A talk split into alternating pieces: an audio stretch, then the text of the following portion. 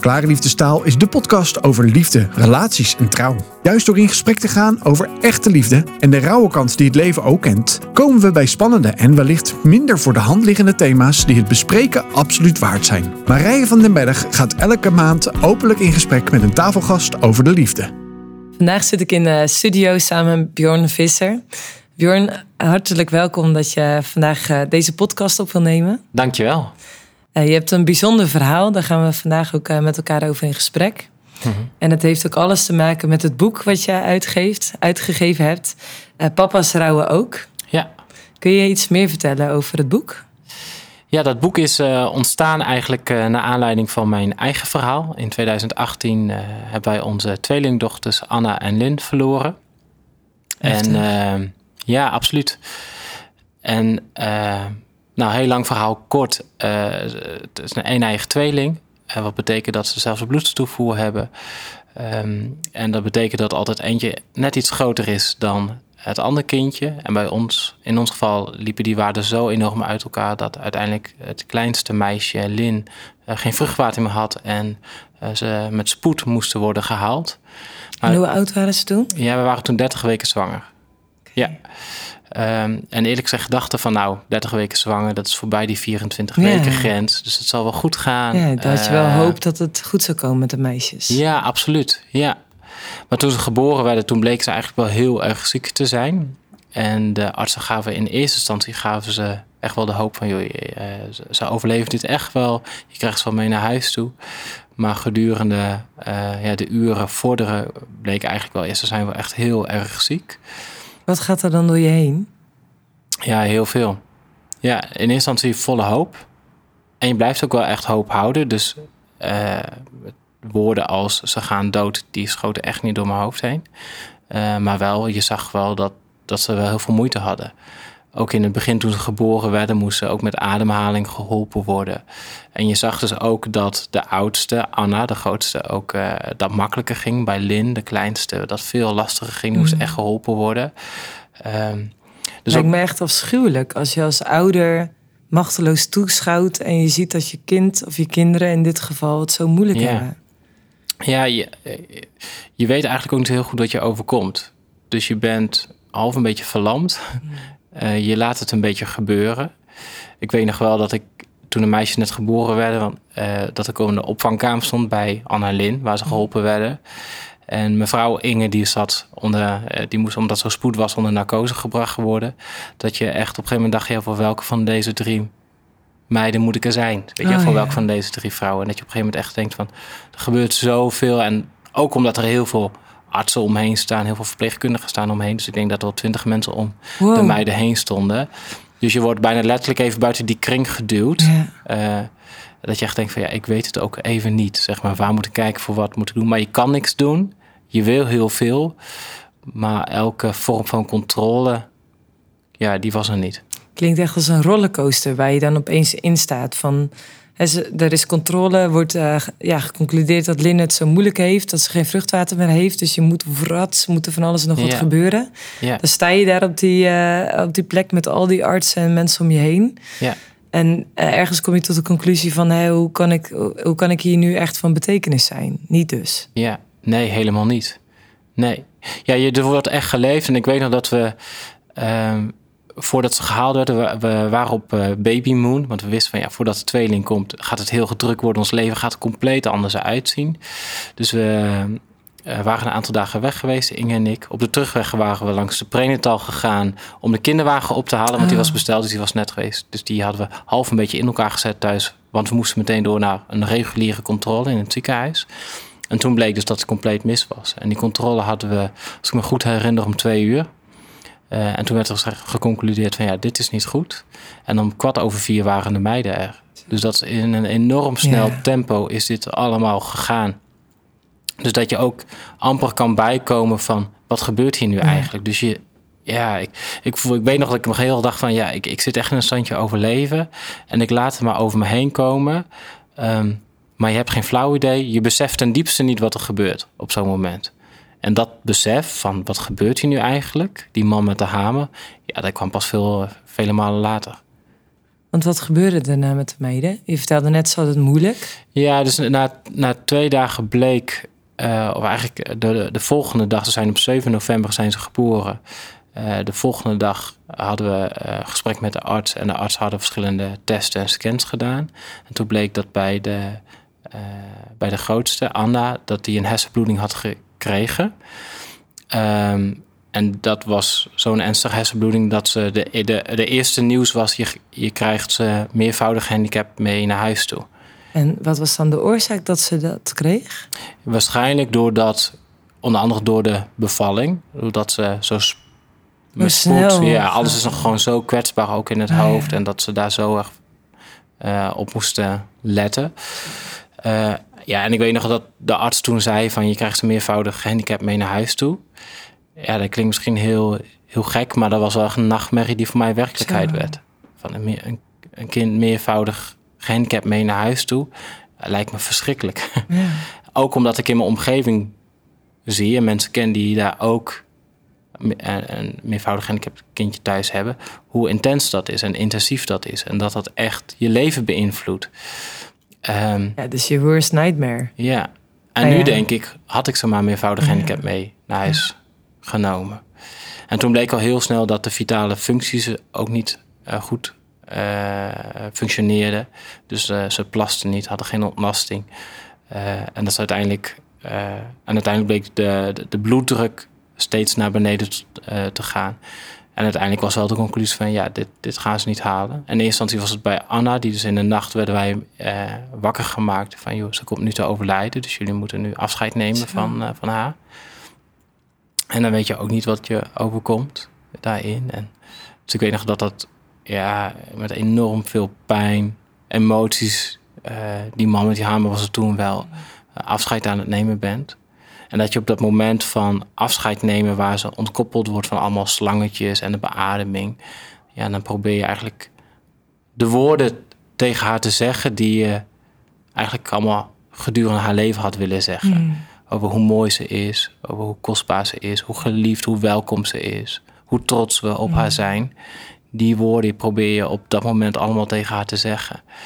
Uh, als het een soort drang van ja, ik wil dat je dit weet, mm. zeg maar daarin. Um, maar die kwam dus midden in de nacht te overlijden. Na twee dagen? Ja, dus op 9 november is hij overleden. En dan het gekke is, dan is hij overleden. Maar je moet ook weer door, want je hebt nog een meisje om voor te knokken, om voor te vechten daarin. En die volgende ochtend kregen we ook eigenlijk het nieuws van de arts dat dat ook niet goed ging. Dat zij ook een hersenbloeding had gekregen. En dat die hersenbloeding zo groot was dat ze dat niet eens zou overle uh, overleven. Dus dat de artsen aan ons vroegen van wanneer willen jullie dat de behandeling stopt? Zo. Ja, en dat is denk ik wel de meest verschrikkelijke vraag die me ooit is gesteld. Dilemma waar ik voor ben gesteld. Om te moeten kiezen welk tijdstip je meisje komt te overlijden. Je eigen kind komt te overlijden. En, uh, en dat hebben we eigenlijk heel rationeel gedaan. Uh, we hebben nog een oudere zoon, Daan. En we wilden heel graag dat hij de meisjes ook nog kon zien. In dit geval dus nog een lint kon zien. En onze ouders ook nog erbij konden komen. Dus hebben uiteindelijk... Uh, ja, dat zij ook afscheid konden nemen van... Ja, het is ook hun kleinkind. Kleine, ja. Die, uh, waar ze afscheid van moeten nemen. Bijzonder dat jullie dat ook ergens die ruimte wel in je hoofd hadden... om ook uh, aan de mensen om je heen te denken. Dat ze ook daarin volwaardig afscheid konden nemen. Ja, ja we wisten dat het voor Daan wel heel belangrijk is, onze oudste zoon. Hoe oud was hij toen? Hij was toen drie. Oh ja. Hij was toen drie. En hij keek natuurlijk echt uit naar zijn twee uh, ja. nieuwe ja, kindjes, enorm. zeg maar. Uh. Ja, en ik weet nog wel dat... Ik, ik heb hem toen opgehaald van huis... Uh, om hem mee te nemen naar, de, naar het ziekenhuis toe. En in eerste instantie mocht hij daar niet komen... omdat hij nog niet de waterpokken had gehad. Dus oh, dan mag je nog niet op de NICU komen... op de intensive care voor kinderen. Um, maar ze hebben een uitzondering gemaakt daarvoor. Dus dat is heel bijzonder. En ik weet nog dat ik met hem binnenliep op de, op de NICU. En dat hij meteen dat lege couveuse zag waar Anna in eerste instantie in had gelegen. En dat hij ook meteen vroeg van waar is Anna? Echt waar? En ik weet nog dat ik toen echt emotioneel enorm brak en enorm had moest huilen. Om dat aan je eigen kind te moeten vertellen van ja, je zusje is er niet meer. En ehm, dus ik weet nog dat ik toen gezegd heb, om, ook omdat we gelovig zijn, van eh, ja, Anna is op dit moment eh, in de hemel bij de Heer Jezus. En toen moest, moest ik ook uitleggen van ja, maar Lin gaat er straks ook naartoe. Heftig. En ik weet nog dat hij op dat moment zei, hij zei van, mag ik haar brengen? Echt waar? Naar de Heer Jezus. Ja, en dan breek je hart weer opnieuw. Helemaal.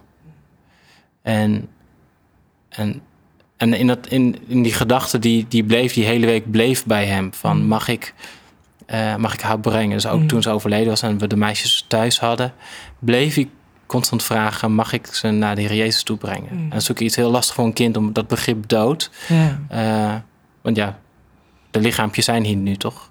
Dus uiteindelijk hebben we de uitvaart genomen om te zeggen: dan mag je ze aan de Heer Jezus geven. Ja. Dus in de, toen we de uitvaart hadden en uiteindelijk heeft iedereen afscheid kunnen nemen.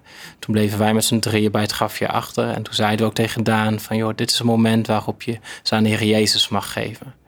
En dat maakt hem als, voor hem als het ware de cirkel ook rond. Mm. van oké, dit is echt een moment van afscheid nemen. Uh, om ook weer los uh, te laten hierin. Ja. En als vader, dan ga je dus je vrouw Inge voor in het verdriet. Uh, je zoontje daarin ook. Hoe was het voor jou om te dealen ook met het, je eigen verdriet, maar ook hun verdriet? Ja, ik, ik, ik weet niet of ik kan zeggen dat ik ze ben voorgegaan in het verdriet of in het rouw daarin. Waar ik wel meteen in ben beland is het zorgen voor. Dus ik wilde, ik kon niet meer zorgen voor mijn twee meisjes. Dus ik ben gaan zorgen voor Inge en voor Daan. In ieder geval. En Inge die had net een zware buikoperatie ondergaan, een keizersnee. Die moest er echt van herstellen. Uh, ja, dus ook minimaal week. zes weken niks doen. Ja, ja, ja geen auto rijden uh, of iets. Of, uh, nou, bijvoorbeeld, we moesten die, die maandag erna, het gebeurde op vrijdag, die maandag erna moesten een graf uitzoeken. Zo onwerkelijk lijkt ja, me dat. Dus zij zat in een golfkarretje, ja. omdat ze niet kon lopen natuurlijk, een graf uit te zoeken. Dus, dus je probeert heel voor haar te zorgen, te ontlasten ook. Ook voor Daan daar veel te zijn. Dus door heel veel te zorgen, uh, ja, vergat ik mijn eigen emoties, mijn eigen gevoel, mijn eigen proces, wat ik eigenlijk zelf ten diepste ervaarde uh, daarin. Ben ik echt aan voorbij gelopen. Ja, ja, kon je anders? Nee, denk ik niet. Um, neem mezelf dat ook niet kwalijk. Um, want ik wilde dat heel graag. Ik wil heel graag zorgen voor. Maar ik denk dat het ook wel goed was dat ik soms iets dichter bij mezelf kwam staan. Van hé hey joh, hoe gaat het nu eigenlijk met mezelf? En wat ervaar ik nu op dit moment? En dat kwam pas veel later, dat besef. Want hoe lang is het nu geleden dat Anne en Lin zijn overleden? Uh, zij zijn geboren in november en overleden in november 2018. Ja, dus ze hadden nu net naar school gegaan. Ja, ja. Ja, dat zijn wel of pijnlijke dingen waar je dan aan terugdenkt. Van, hoe, zou, hoe zouden ze nu zijn? Hoe zouden ze eruit zien? Zouden ze lijken op hun broers, zusje nu? Uh, hoe zouden hun stemmen klinken? Uh, zouden ze net zo ondeugend zijn als uh, de andere kinderen daarin? Ja, dus je bent ook constant, neem je ze mee ook in, in je gedachten van hoe zou dat nu voor ze zijn? Ja, Hoe zouden die tweelingen, zouden ze juist heel, nou ja, ze zouden heel veel op elkaar lijken, maar ook qua karakter zouden ze op elkaar lijken. Zouden ze veel ruzie met elkaar maken. Uh, of echt uh, hand in hand uh, onscheidbaar van elkaar. Ja, ja. En je zei net van toen lukte me dat eigenlijk niet, want ik ben echt in de zorgmodus gestapt om ook aandacht te geven aan wat ik zelf voelde. Dat kwam veel later. Wanneer kwam dat moment wel? Ja, ik, ik denk niet dat het echt jaren heeft geduurd. Uh, maar zeker wel die eerste weken wel. En toen ging ik wel heel nadenken van oké, dat rouwen, hoe doe je dat eigenlijk? Wat is dat rouwen? En ik wist ook wel, rouwen ga je niet perfect doen. Maar hoe zorg ik ervoor dat ik het ook niet bewust verkeerd doe? Dus hoe kun je rouwen? Op welke manier kan ik dat vorm gaan geven? Wat is rouw eigenlijk? Ja, dat waren wel vragen waar ik heel erg tegenaan liep. En voornamelijk ook door eens wat ik heel erg behoefte aan had, is um, met andere mensen die het ook hebben meegemaakt, dus te praten met andere mannen. Hey, hoe zorg je voor je vrouw? Hoe zorg je voor je kinderen? Hoe, hoe ga je hiermee om? En wat ontdekte je? Nou, ik ontdekte wel dat, uh, dat er veel eenzaamheid onder mannen is daarin. En juist ook in mijn zoektocht naar andere mannen, om dit, hun verhalen te horen, dat ik die nauwelijks kon vinden. Dus ik ging dus op zoek naar boeken, naar artikelen of uh, verhalen van andere mannen. En die kon ik dus heel lastig vinden. Ja. En vandaar dus ook dat dit boek nu uh, is verschenen, omdat we heel graag verhalen willen verzamelen van mannen uh, waarin ze zich kunnen herkennen. Natuurlijk, rouw is heel anders, ziet voor elke persoon heel anders uit. Dus misschien ook wel de conclusie in het boek. Dat, Ja. dat je juist hoe je leven weer oppakt of hoe je dat aangaat, misschien ook wel zo verschillend is eh, Ja. van elkaar. En tegelijk komen er wel thema's naar voren waarin, denk ik, wel elke vader zich kan herkennen. Kun je eens wat thema's noemen? Ik denk over thema's als schuld, schaamte en eenzaamheid, dat die wel enorm naar voren komen. Ja. En kun je daar iets over vertellen? Tussen schuld en schaamte. Hoe hangt dat samen met, met rouwen?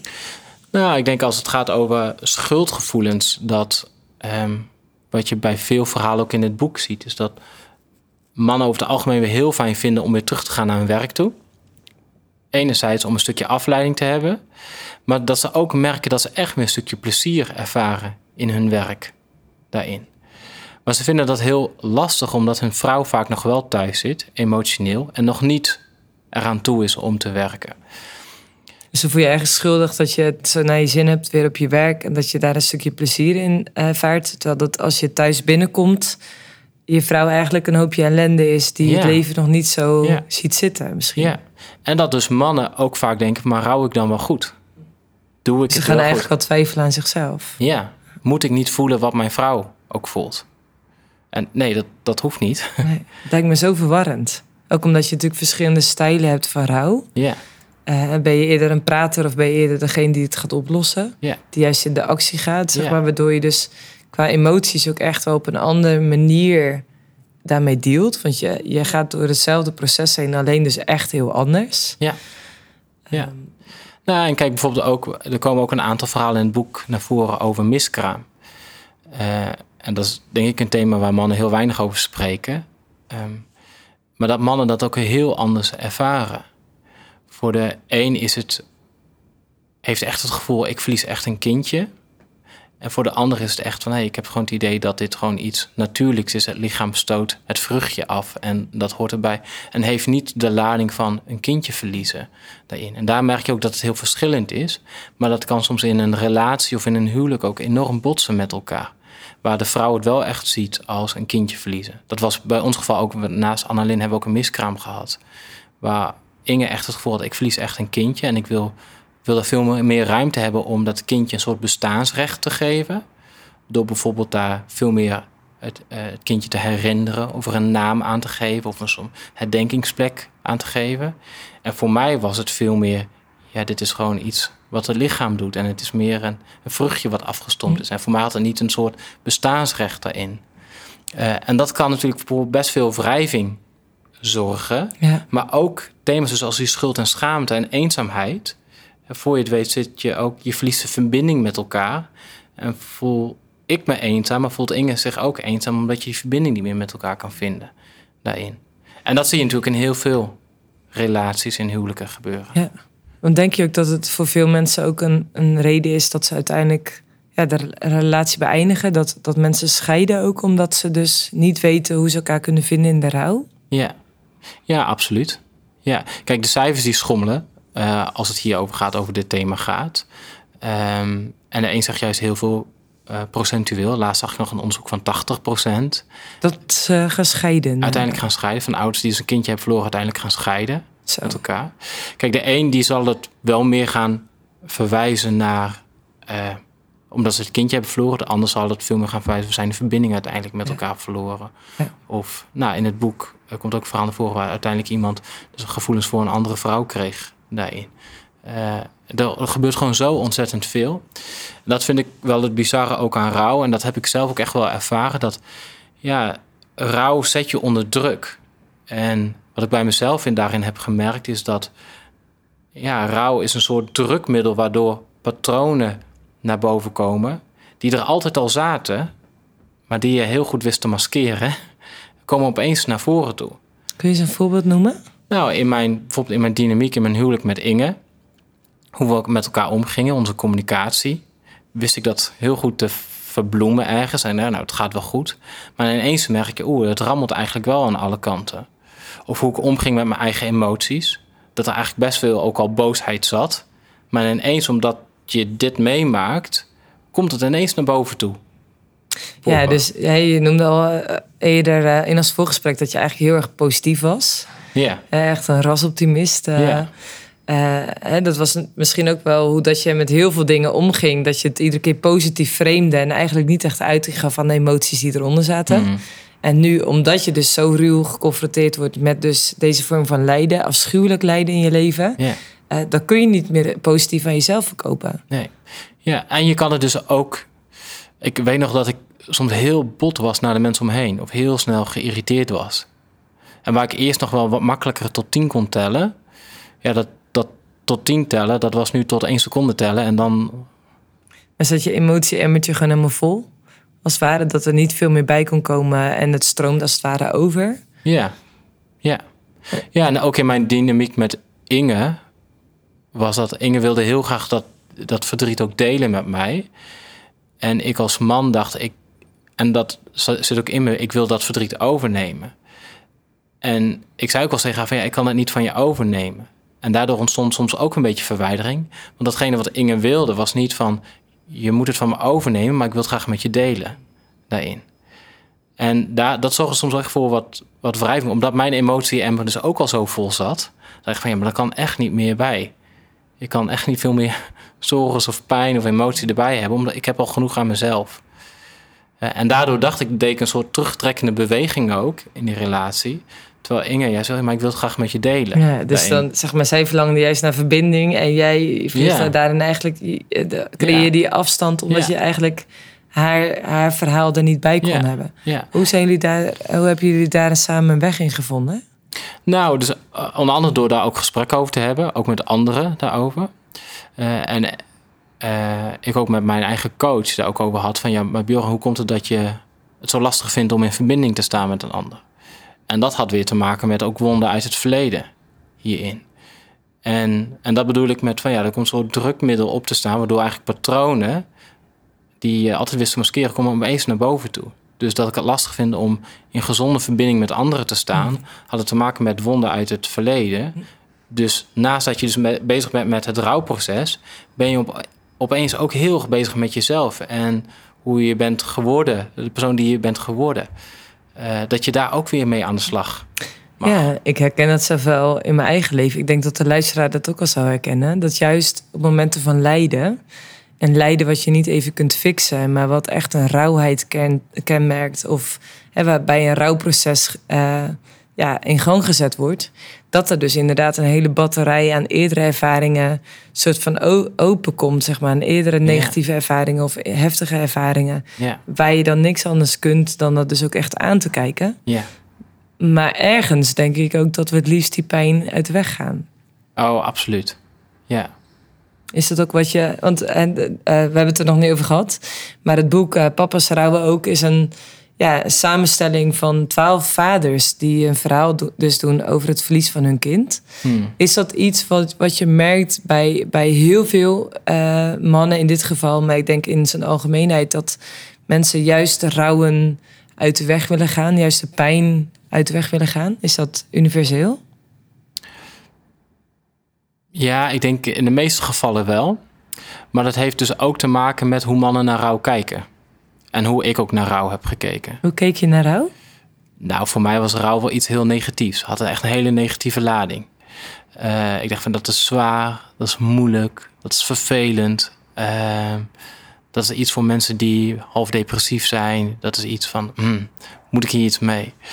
Uh, en ik heb echt ontdekt dat rouwen compleet iets anders is. En ik ben echt anders gaan kijken naar rouwen. En daarmee heb ik echt ontdekt dat rouw bestaat omdat liefde bestaat. Kun je dat eens uitleggen? Ja, want weet je, als je iemand. Rouwen is een, is een vorm van missen. En missen is een liefdestaal. En ik zou niet iemand missen waar ik niet om geef. in dit geval om Anna en Lin, ik mis ze. En dat is echt mijn liefdestaal naar hen toe. En dat is eigenlijk rouw. En daarmee geef je ze veel meer een soort bestaansrecht. Dus dat is, ik heb het veel meer als een liefdestaal mogen zien. In plaats van iets heel negatiefs en wat ik zo snel mogelijk achter moet laten of moet wegdrukken daarin. Dus ik heb het niet meer als een soort. Het is niet meer een zware steen die op mij rust, maar ik heb het echt als een motor voor mijn liefdestaal laten ontwikkelen. En, en hoe krijgt dat betekenis in je leven? Hoe integreer je dat? Nou, ik denk veel meer als ik dus aan Annalyn denk, of als ik een andere tweeling zie lopen, dat ik eerst deed dat heel pijn en ruw en dacht je echt, oh, ik moet ze echt zo snel mogelijk ontwijken, weglopen daarin. En dat is, het is nu nog steeds wel heel pijnlijk ook. En je komt ze natuurlijk tegen op de meest Oh, onverwachte absoluut. momenten. Ja, of als een ander kindje Anna of Lin heet, Oh, dan ja. word je daar ook aan herinnerd. Ja. Eh, maar nu heb ik dat veel meer van, oh ja, ze spelen inderdaad nog een rol ook in mijn leven. Hè. Ze, ze krijgen daarmee ook bestaansrecht. Dus in plaats van dat, die gevoelens weg te duwen, mag het voor mij er nu veel meer zijn. Het is wel bijzonder dat we de terminologie eraan geven van je moet iets een plekje geven. Waardoor het lijkt alsof dat je ze dus in de gangkast ergens in een hoekje weglegt. Oh ja. Maar wat je nu eigenlijk deelt is dat het veel meer geïntegreerd is in... Je verweeft het in je leven, met je leven. Stel je voor dat iemand luistert en die zegt... Oh, ik, ik, Bjorn, ik verlang er zo naar om mijn verlies ook zo te integreren in het leven. Wat, wat zou je ze dan willen zeggen? Ja, dat is een hele goede vraag. Ook een moeilijke vraag. Omdat een rouw zo uniek is als elk persoon daarin. Ik Is dat ook wat je ontdekte met, in gesprek met die twaalf mannen? Ja, Ja? Was je daardoor verrast dat het zo'n uniek proces is? ja, ja. Maar ook, dus er komen ook wel een aantal universele thema's naar voren toe. Als je het hebt over eenzaamheid, dat heel veel mannen het echt niet met andere mannen snel gedeeld hebben, terwijl ze het wel heel graag wilden. Misschien wel omdat het ook, dat is misschien ook wel waarom dat je het zo moeilijk vond om daar ook iets van te vinden. Dat er wellicht zo'n taboe op heerst of zo. Ja, en je ziet ook dat, en uiteindelijk heb ik dat ook gedaan, heb ik gewoon met andere, heb ik gewoon vrienden bewust gebeld van, joh, ik wil gewoon even een biertje met je drinken vanavond. Of ik wil gewoon even met je, met je kletsen. En het hoeft dan niet alleen maar over het, het gemis te gaan, over de moeilijkheid te gaan, maar vertel alsjeblieft ook gewoon iets over je eigen leven. Vertel je waar jij nu mee bezig bent. En gewoon even uit die isolement halen. En dat is wat je vaak ziet. Mannen, of mensen vinden het heel lastig om, om contact te zoeken omdat ze bang zijn dat ze een pijnlijke vraag gaan stellen. Maar het is allemaal pijnlijk genoeg. Dus stel dan die pijnlijke vraag maar. Eh, daarmee geef je toestemming voor de ouder, of het nou een man of een vrouw is, om daarover te praten. En dat is al soms zo verademend, omdat de ouder zelf al denkt: ik wil je niet belasten met mijn pijn of mijn verdriet Ja. daarin. Ik heb geleerd om de vraag te stellen: vind je het oké als ik je daarna vraag? Ja, Want dan kunnen mensen ook zeggen nee. ja, Of ja. Ja. Of graag zelfs. ja. Omdat het zo, zoiets is wat we.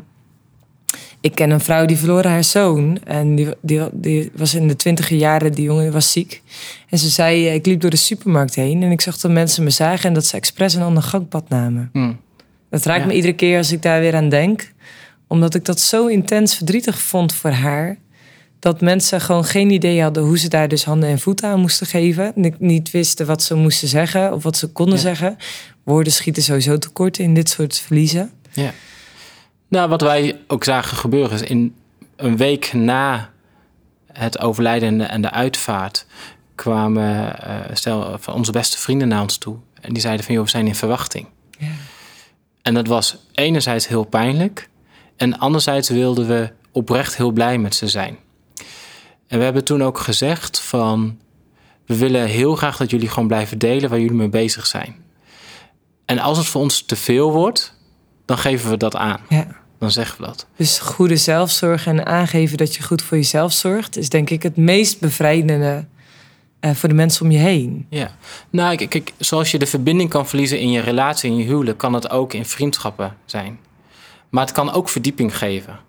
Dat er juist meer verbinding ontstaat en dat er meer verdieping ook in je vriendschappen komt. eh, Heb je dat ook echt gemerkt? Ja. Ik weet nog dat ik een keertje in, eh, in, de, in de auto zat. En ik heb toen een vriend gebeld, omdat ik daarvoor zag ik een foto van hun pasgeboren kindje op eh, socials voorbij komen. En En dat kindje had precies dezelfde kleding aan die wij voor de meisjes hadden gekocht. Mijn allerbeste vriend. Dat wist hij natuurlijk niet. Nee. Maar het raakte mij enorm. En er waren twee stemmetjes in mijn hoofd. De ene zei van, joh Bjorn, wat stel je aan? Maak je niet zo druk. Het zijn maar wat kleedjes. Daar ga je niet zo'n punt van maken. Maar mijn gevoel zei van, ja, maar dit raakt me wel. En ik moet dit gaan delen. En, en, en ik zat echt in, in gevecht met mezelf. Wat ga ik hiermee doen? Enerzijds van ja, ga ik contact met hem opnemen. Dat kan misschien voor verwijdering zorgen. En anderzijds wist ik ook wel van ja, dit kan misschien ook wel iets, iets heel moois zijn om gewoon ook even te delen. Ik heb uiteindelijk de telefoon gepakt en ik heb hem gebeld van joh, moet je luisteren. En ik zat alleen maar in tranen, ik moest alleen maar huilen. Ik zei van joh, dit, uh, dit zag ik voorbij komen en dit, dit is heel pijnlijk voor me om dit te zien. En hij zei natuurlijk van, joh, oh, dat wist ik helemaal niet. Joh, we gaan het gewoon eh, offline even halen. Dat is helemaal geen probleem. Geen enkel probleem, super fijn. En juist door de telefoon wel te pakken en hem te bellen, heeft het voor enorm veel verdieping gezorgd in onze vriendschap ook. Ja, want je hebt je in alle kwetsbaarheid laten kennen. Ja. En anders is het, als ik dat niet had gedaan, dan was ik heel snel de verbinding met hem verloren hierin. En dat geldt ook in het huwelijk, maar ook in vriendschappen zo. Van hoe kun je ervoor zorgen dat je juist die wel verbinding opzoekt. En dat is vaak door de pijn aan te kijken en daar doorheen te gaan, mm. in plaats van eromheen. Ja. Ik heb laatst het eh, boek eh, van Megan Devine gelezen. Het is oké om niet, niet oké te zijn of mm. je niet oké te voelen. Ja. En zij schrijft ook in haar boek, zij verloor haar man. Ze zag haar man voor haar ogen. Echt een supervitale man. Uh, zag ze hem verdrinken toen hij 39 jaar was. En zij schrijft van, het is inderdaad zo dat je vriendschappen ook zo kunnen veranderen. Dat je echt mensen kwijt kunt raken. En in haar boek geeft ze dus ook een aantal tools wat je kunt doen als mensen dus. Uh, wat je als omstander ook kunt doen. Hoe je van betekenis kunt zijn voor iemand die in rouw zit. Vond ik ook zo mooi dat ze daarin ook ja, omstanders ook helpt om daarin dus ook van betekenis te kunnen zijn. Want je bent ook zo nodig. Mhm. Ook al staat het echtpaar of de persoon die iemand verloren heeft gewoon echt in overleefstand. En zit je er met je inderdaad al vol en kun je ook nog niet eens aangeven wat je nou eigenlijk zelf ook nodig hebt. Ja, absoluut. Ja. Dus wees alsjeblieft niet bang als je iemand in je omgeving hebt die rouwt. Uh, stap er maar proactief op af. En stel die vraag, maar is het oké als ik je een vraag over stel? Ja. ja. En wat, wat uh, je hebt natuurlijk heel veel mannen gesproken ook in het ontwikkelen van je boek. Twaalf hmm. verschillende mannen delen hun verhaal, waar jij er natuurlijk één van bent. Ja. Um, wat heb je daarin ontdekt in het horen van al die verhalen?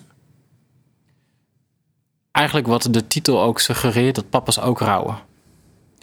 En dat de enerzijds wat ik heel mooi vind, is dat de vader spreekt maar vol trots over hun kinderen. Uh, of het nou een kindje is wat overleden is met acht weken zwangerschap of een kindje op 18-jarige leeftijd.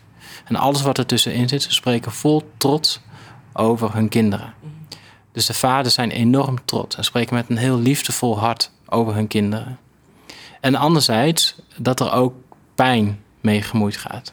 En dat mannen ook heel veel pijn ervaren hierin.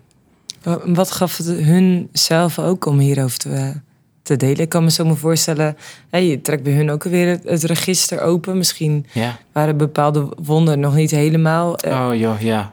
Hersteld. Wat, wat gebeurt er dan in die dynamiek? Nou, het is heel mooi. We hebben uh, in de gesprekken die ik met ze heb aangegaan, heb ik ze ook gevraagd om iets persoonlijks van een kindje mee te nemen. Uh, wat hun herinnert aan een kind of wat een waarde, symbolische waarde uh, voor hen heeft. En je ziet dat daarmee spraak ze over een kind alsof het kindje ook echt aanwezig was in, in de ruimte. En dat raakte ze.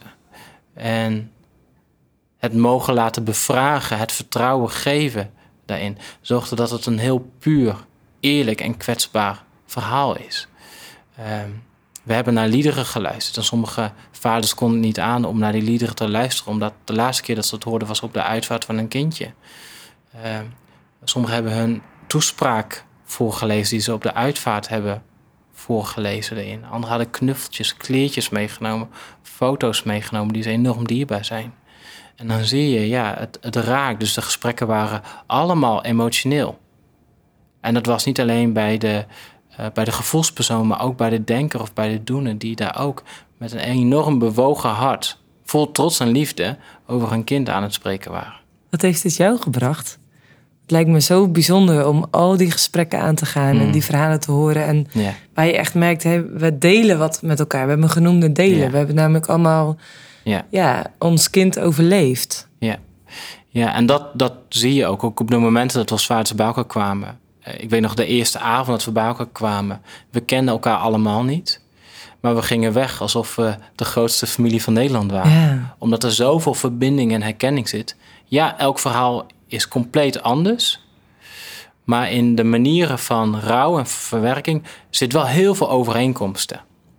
En dat was zo fijn om alleen dat te kunnen delen. Omdat ook iemand met iemand te delen die dat ook zo heeft ervaren. Die misschien, wat je niet zo makkelijk met iemand anders zou delen, omdat hij misschien bang bent van ja, wat gaat hij daarvan vinden? Of die heeft dat niet zo meegemaakt daarin. Ja, dat is heel mooi om dat juist wel te delen met iemand die daar ook doorheen is gegaan. Bijvoorbeeld, ehm, wat heb je gedaan met het kindje tussen overlijden en, en uitvaart? Heb je je kindje nog vastgepakt? Als dat kan, hè? Mhm. Eh, heb je nog geknuffeld? Heb je nog liedjes gezongen? Heb je, wat heb je tegen hem of haar gezegd? Juist op die meest intieme momenten daar even wat, wat, wat, wat heb je gedaan? daarmee? Heb je nog foto's gemaakt? Eh, mag ik alsjeblieft je foto zien van je kindje? Ouders willen dat heel graag, hè? Je gewoon een foto laten zien, maar vinden dat enorm spannend. Omdat het gaat natuurlijk over je kindje, wat echt heel kwetsbaar is. En in sommige gevallen zijn de foto's soms ook niet heel prettig om te zien. Maar het gaat wel over je kindje. Dus- Dus de ouders zijn enorm trots vaak over hun kindje. Maar vinden het heel lastig om dat op, op social media te laten zien. Of om anderen te laten zien, bang voor de reacties. En die reactie had ik zelf ook. Ik weet nog dat tijdens de uitvaart hadden we ook een aantal foto's van, eh, van onze dochters. En ik weet nog dat mijn eigen, eigen vader zei van... Oeh, ik vond het wel heftig om die foto's te laten zien. Moet je dat wel willen daarin? Maar het gaat natuurlijk over je eigen kind. Dus je bent enorm trots. Dus dat wil je laten zien. Ja. En dan heb je bijna zoiets van... Ja, scheid aan, aan jou. Het is mijn kind en iedereen mag het zien daarin. Maar dat is een heel lastig dilemma waar Ja. ouders vaak voor staan. Ja. Maar doe dat alsjeblieft. Deel dat. Ja. En dat heeft het wel echt gebracht Ja. daarin. Omdat je ook daarin laat je dus een stukje kennen. En die eenzaamheid. Ik denk dat je eenzaamheid alleen maar op kunt heffen door dus verbinding met mensen aan te gaan. Door dus je eigen kwetsbaarheid daarin open te stellen. Aan, Ja. en natuurlijk wel in alle veiligheid met mensen die daarin vertrouwt. Ja. Maar daarin dus ook zeg maar, daar erkenning voor te geven. Nou, de afgelopen week hadden we nog, kwamen we ook met een aantal mannen samen. En toen ging het over, eh, over de kinderwens. En waar vaak een van de partner weer sneller toe is aan zwanger worden of aan een kindje. Als, eh, en de ander juist niet. En dat dat voor enorm veel wrijving kan zorgen. Klinkt ook echt als een enorm dilemma. Ja, ja, omdat of emotioneel er niet aan toe is, geestelijk niet, of lichamelijk er niet aan toe is, of omdat het soms lichamelijk ook niet meer kan daarin. Eh, om juist dat gesprek met elkaar aan te gaan, met gelijkgestemden die weten waar je doorheen gaat, ja, kan enorm genezend zijn. Ik sprak eh, afgelopen vrijdagavond bij een, eh, bij een vrouwenbijeenkomst. Een vrouwenevenement. En eh, daar sprak ik een vrouw en die had haar kindje verloren eh, toen, het vier, toen ze vier maanden zwanger was. En eh, ze deelde over de naam die ze het kindje had gegeven. En ook hoe mooi het kindje al helemaal geweven, gevormd was. Mhm. Ze zegt, je zag echt gewoon al echt een, een babytje. Dus het was nog maar vier maanden. Dus nou, het is natuurlijk, als je kijkt naar die negen maanden, nog lang niet voldragen. Ze zeg maar, als je gewoon zag hoe gedetailleerd dat lijfje al was. Ja, joh. Eh, ook echt de verwondering daarover. En ook dat ze zei, we hebben van het handje en het voetje ook een foto gemaakt. Eh, en die hangt ook gewoon in de woonkamer als deel van het gezin, Ja. zeg maar. Dat het ook echt bespreekbaar is, ook richting de andere kinderen. Ze zei, eh, we zijn nu nog met z'n zessen, maar ik heb vijf kinderen mogen krijgen. Hm. Zo bijzonder dat ze dat Ja. ook zo verweven heeft binnen, Ja, binnen haar gezin, zeg maar. Dat het kindje ook daarin zo'n plek ook had binnen het geheel. ja. En eh, ik denk dat dat ook wel echt belangrijk is. Is dat je dat dus niet wegstopt op dat ene plekje, het verlies. Maar dat je eh, het verlies ook echt integreert dus ook in je leven. Ja, rituelen zijn heel belangrijk voor jezelf, maar kan ook heel helpend zijn voor je andere kinderen in het gezin. Dus En hoe wat- doen jullie dat nu? Nou, bijvoorbeeld met verjaardagen ehm, vieren we echt hun, hun leven. En vieren we dat ze bestaan. Dus we gaan met de kinderen eh, gaan we naar een pannenkoekrestaurant. En gaan we echt vieren dat ze bestaan eh, daarin. Dat is gewoon jaarlijks eh, ritueel wat we elke keer weer terug laten komen. Op de begraaf, uh, een overlijdensdag gaan vaak Inge en ik alleen even naar de uh, begraafplaats toe. Om daar stil bij te staan. Dat is wel bijzonder, want je hebt daarna nog een dochtertje ontvangen, zei je net. Ja. zij heeft ze natuurlijk nog nooit gekend. Nee. Hoe is dat ook voor de kinderen dat je daar ook zo over praat? Want het is voor hun natuurlijk in hun kinderbrein eigenlijk nou ja, misschien een heel ver van een bedshow, soort van onwerkelijk. Hmm. Ook wat je net zei over, over de hemel, over dat je ja. Daan zei van uh, ik wil ze bij Jezus brengen. Ja. Hoe, hoe doe je dat praktisch? Ja, kijk, Daan is nu uh, half En de twee kinderen die we na Annalyn hebben gekregen, Aaron is nu twee, dus die heeft daar echt nog geen be, be, besef van. En Elin, dat is de allerjongste, die is nu drie maanden. Dus oh, die heeft helemaal waar? nog Ik is zo uh, niet dat je, dat, ja. dat je dus een Dus die is vijfde echt heel jong, eh, ja. eh, is die. Eh, maar voor Daan is het wel heel, eh, eh, heel belangrijk. Het speelt echt een rol ook. Ik weet, we zijn eh, net verhuisd. En we gingen ons voorstellen aan de buren. En Daan kwam binnen, was een oudere echtpaar. En zei, hoi, ik ben Daan. En ik heb twee zusjes die dood zijn. Oh, ja. En we hadden nog geen woord gezegd. En dan sta je daar dan met je bek vol handen. Ja. Overmand door eigenlijk ook emoties. En de trigger ook weer naar de pijn toe. Mm. Daarin. Maar het is zo verweven bij hem. Ik weet nog ook in de weken na de uitvaart ging ik met Daan even naar Monkey Town toe. Om even een stukje afleiding, zodat hij lekker kon spelen. En ook even tijd met hem door te brengen. En hij was aan het spelen en kwam op een gegeven moment helemaal teruggelopen. En die zei tegen mij: Papa, ik denk dat Anna Lin op dit moment ook in de hemel met Heer Jezus aan het spelen zijn in Monkey Town. Oh. En hij liep weer weg. En voor hem zo natuurlijk, hoe hij daarmee omgaat en zo. Hij was toen drie. Hij was drie, ja. Zo verweven ook in zijn leven eh, daarin. En dat zie je ook nu bij hem terug. Hij, eh, Annalyn zijn heel reëel tastbaar voor hem. Zo bijzonder, hè? Ik sprak dus laatst in een, in een dienst over eh, rouwen. Eh, en ik zei toen ook, ik heb hier zelf nog nooit een preek over gehoord. En later eh, kwamen er ook een aantal mensen bij me langs die zeiden... ja, ik heb hier ook gewoon volwassen mensen. Gewoon Mhm. mensen die zelf ook dierbaren al verloren waren. Die zeiden, Ja. ik heb hier nog nooit een preek over gehoord. dus in de kerk, het, dat wat je dus op, eh, online ging zoeken... van hey, waar zijn de verhalen van vaders die een kind hebben verloren... of hoe, hoe zit het Mhm. nu eigenlijk met rouwen...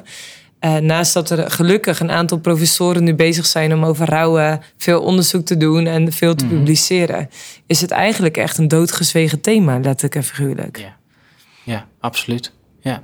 En dat heeft denk ik ook deels... Ik denk, als het over mannen gaat, hoe we naar rouw kijken. Hè, dat veel mannen, ik denk ook als mij... daar echt hele negatieve lading aan, aan geven. Maar anderzijds ook in de kerk... dat we niet zo goed weten hoe we met rouw om moeten gaan met lijden. En ik heb theologie gestudeerd. Dus ik heb gestudeerd hoe het met lijden zit. Maar nu krijgt lijden een gezicht. En in mijn geval twee gezichtjes. En dan geeft dat een hele andere lading. En moet je daar opnieuw doorheen. Want die vraag heb ik ook gehad. Waarom? Had het niet anders gekund? Er waren heel veel mensen voor ons aan het bidden. Er waren kerken voor ons aan het bidden. Eh, en toch heeft dat wonder, waarin we wel geloven, niet plaatsgevonden. Hier gaan we echt nog een andere podcast over opnemen. Want dit is echt een thema, denk ik. eh, hoe, hoe deel je dan met lijden en verlies ook eh, richting God? Hoe, hoe beïnvloedt dat ook? eh, hoe geef je daar ook betekenis in naar jezelf of naar de wereld om je heen of ook richting God? Ja, Lijkt me heel mooi om daar ook nog een eh, andere serie met je op te, of een andere Ja. episode met je op te nemen. ja. ook omdat ik denk dat het heel belangrijk is en heel veel mensen hier eh, ja, op stuk lopen. Is het een beetje je levensmissie geworden om te praten over dit soort thema's? Mm. Nou, niet per se. Levensmissie. Wat ik wel zie is dat ehm, hier nog veel meer ruimte voor gecreëerd mag worden. Om dit te laten zijn. En ik zie dat hier uiteindelijk dus veel stuk doorgaat. Ja, dus echt prachtig hoe Ja. jij eh, inmiddels ook een stichting opgericht hebt om, eh, Ja. om juist ook over rouw, rauwe kost, alleen een rouwkost met OU, Ja. ehm, eh, mensen te inspireren of voor te gaan of mee te nemen op die rouwreis. Ja. Kun je daar iets meer over vertellen? Ja, wat we belangrijk vinden, en dat is eigenlijk uit de, het verlangen ontstaan die we eigenlijk alle twaalf mannen hebben gehad, is om een stukje ondersteuning te krijgen. Ondersteuning in, hey, hoe doen we rouw? Niet dat iemand het overneemt, maar hoe kunnen we dit doen? En als, als stichting willen we naast mensen staan, met hen meelopen eh, in dit rouwproces. En dat willen we doen eigenlijk door drie manieren van ondersteuning. Dat is enerzijds praktische ondersteuning geven, emotionele ondersteuning en geestelijke ondersteuning. En door praktische ondersteuning moet je denken aan, ja, we willen mensen echt gewoon praktisch helpen met. Dus we zijn bezig nu om een koffer ook te ontwikkelen die we ouders gratis willen aanbieden om hun op weg te helpen met. Met onder andere eh, ervaringsverhalen erin, vragen erin, herinneringsboeken erin, waar we mensen echt willen helpen om dit te verweven in hun leven. Ehm, anderzijds ook, denk bijvoorbeeld aan, wij hadden geen, eh, geen overlijdensverzekering. Wat betekent dat je zelf eh, ja, moet dealen met de kosten die hiermee gemoeid gaan Oh. voor een uitvaart. En de kosten voor een uitvaart zijn vaak heel duur. Ja, zo'n Ja. 5000 euro geloof ik Ja, toch? minimaal. Zo. Ja. En eigenlijk kostte eh, geld een bedrag wat wij niet hadden. En we waren daar ook niet voor verzekerd. En daardoor kun je eigenlijk niet het afscheid geven aan je kind... die je ten diepste wel heel graag zou willen. En ik weet dat heel veel ouders dat niet kunnen. Ehm, En hoe mooi zou over nagedacht. ja, nee, maar heel veel ouders. We staan in de bloei van ons leven. eh, denken echt niet na over een uitvaartverzekering. Ehm, maar je, opeens word je daar wel mee geconfronteerd. En hoe mooi is dat je als stichting daar ook ouders bij kan ondersteunen en daarin kan helpen om toch het afscheid, zodat zij het afscheid kunnen nemen van een kind wat ze heel graag willen. Daarin. Nou, en heel veel dingen. We hebben ook op eh, allemaal dingen in ontwikkeling. Maar één ding wat we ook gaan doen is met eh Vierde Musketeer, de stichting, gaan we in eind oktober gaan we weekend naar Zwitserland toe voor mannen juist. eh, om samen ook op reis te gaan en om dit ook onder ogen te, te komen zien. Zo, bijzonder hè? Ja, er zijn heel veel dingen in ontwikkeling Ja. die we allemaal gaan doen. We gaan ook maatjes aanbieden. Dus als ouders, want de stichting is niet alleen voor mannen, maar juist ook voor vrouwen. Ik denk dat we maatjes willen eh, koppelen van... Hey, heb je zin om een keer een biertje met iemand te drinken... of een koffie, of een keer te wandelen... of gewoon een keer te bellen? Dan zijn er mensen beschikbaar waar je mee geconnect kan worden... eh, zodat zij een luisterend oor voor- voor jou kunnen zijn... maar ook een plek waar jij je vraag aan iemand anders kan stellen... die door precies hetzelfde heen is gegaan. Ja, en ik denk dat dat echt ook enorm belangrijk is. Ja. Dus zeg je van, hé, ik wil dit boek lezen. Ik wil eh, de documentaire zien die daarin ook opgenomen is. Daar hebben we het nog helemaal niet over gehad. Maar Mm. Eh, in het boek staan Prachtig verschillende QR-codes. Ook naar gesprekken die vaders met elkaar hebben over... Ja, hoe was het dan eh, eh, ook voor hun, zeg maar. Ook aan de hand van de verschillende thema's die daarin aan bod komen.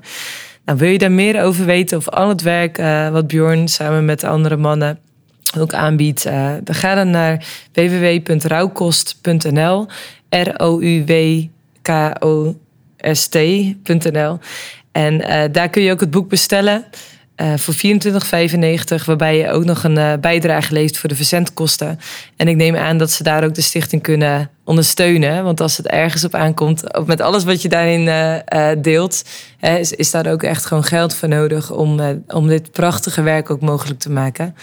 Dankjewel Bjorn voor je, ja, voor je verhaal, voor Heel je kwetsbaarheid.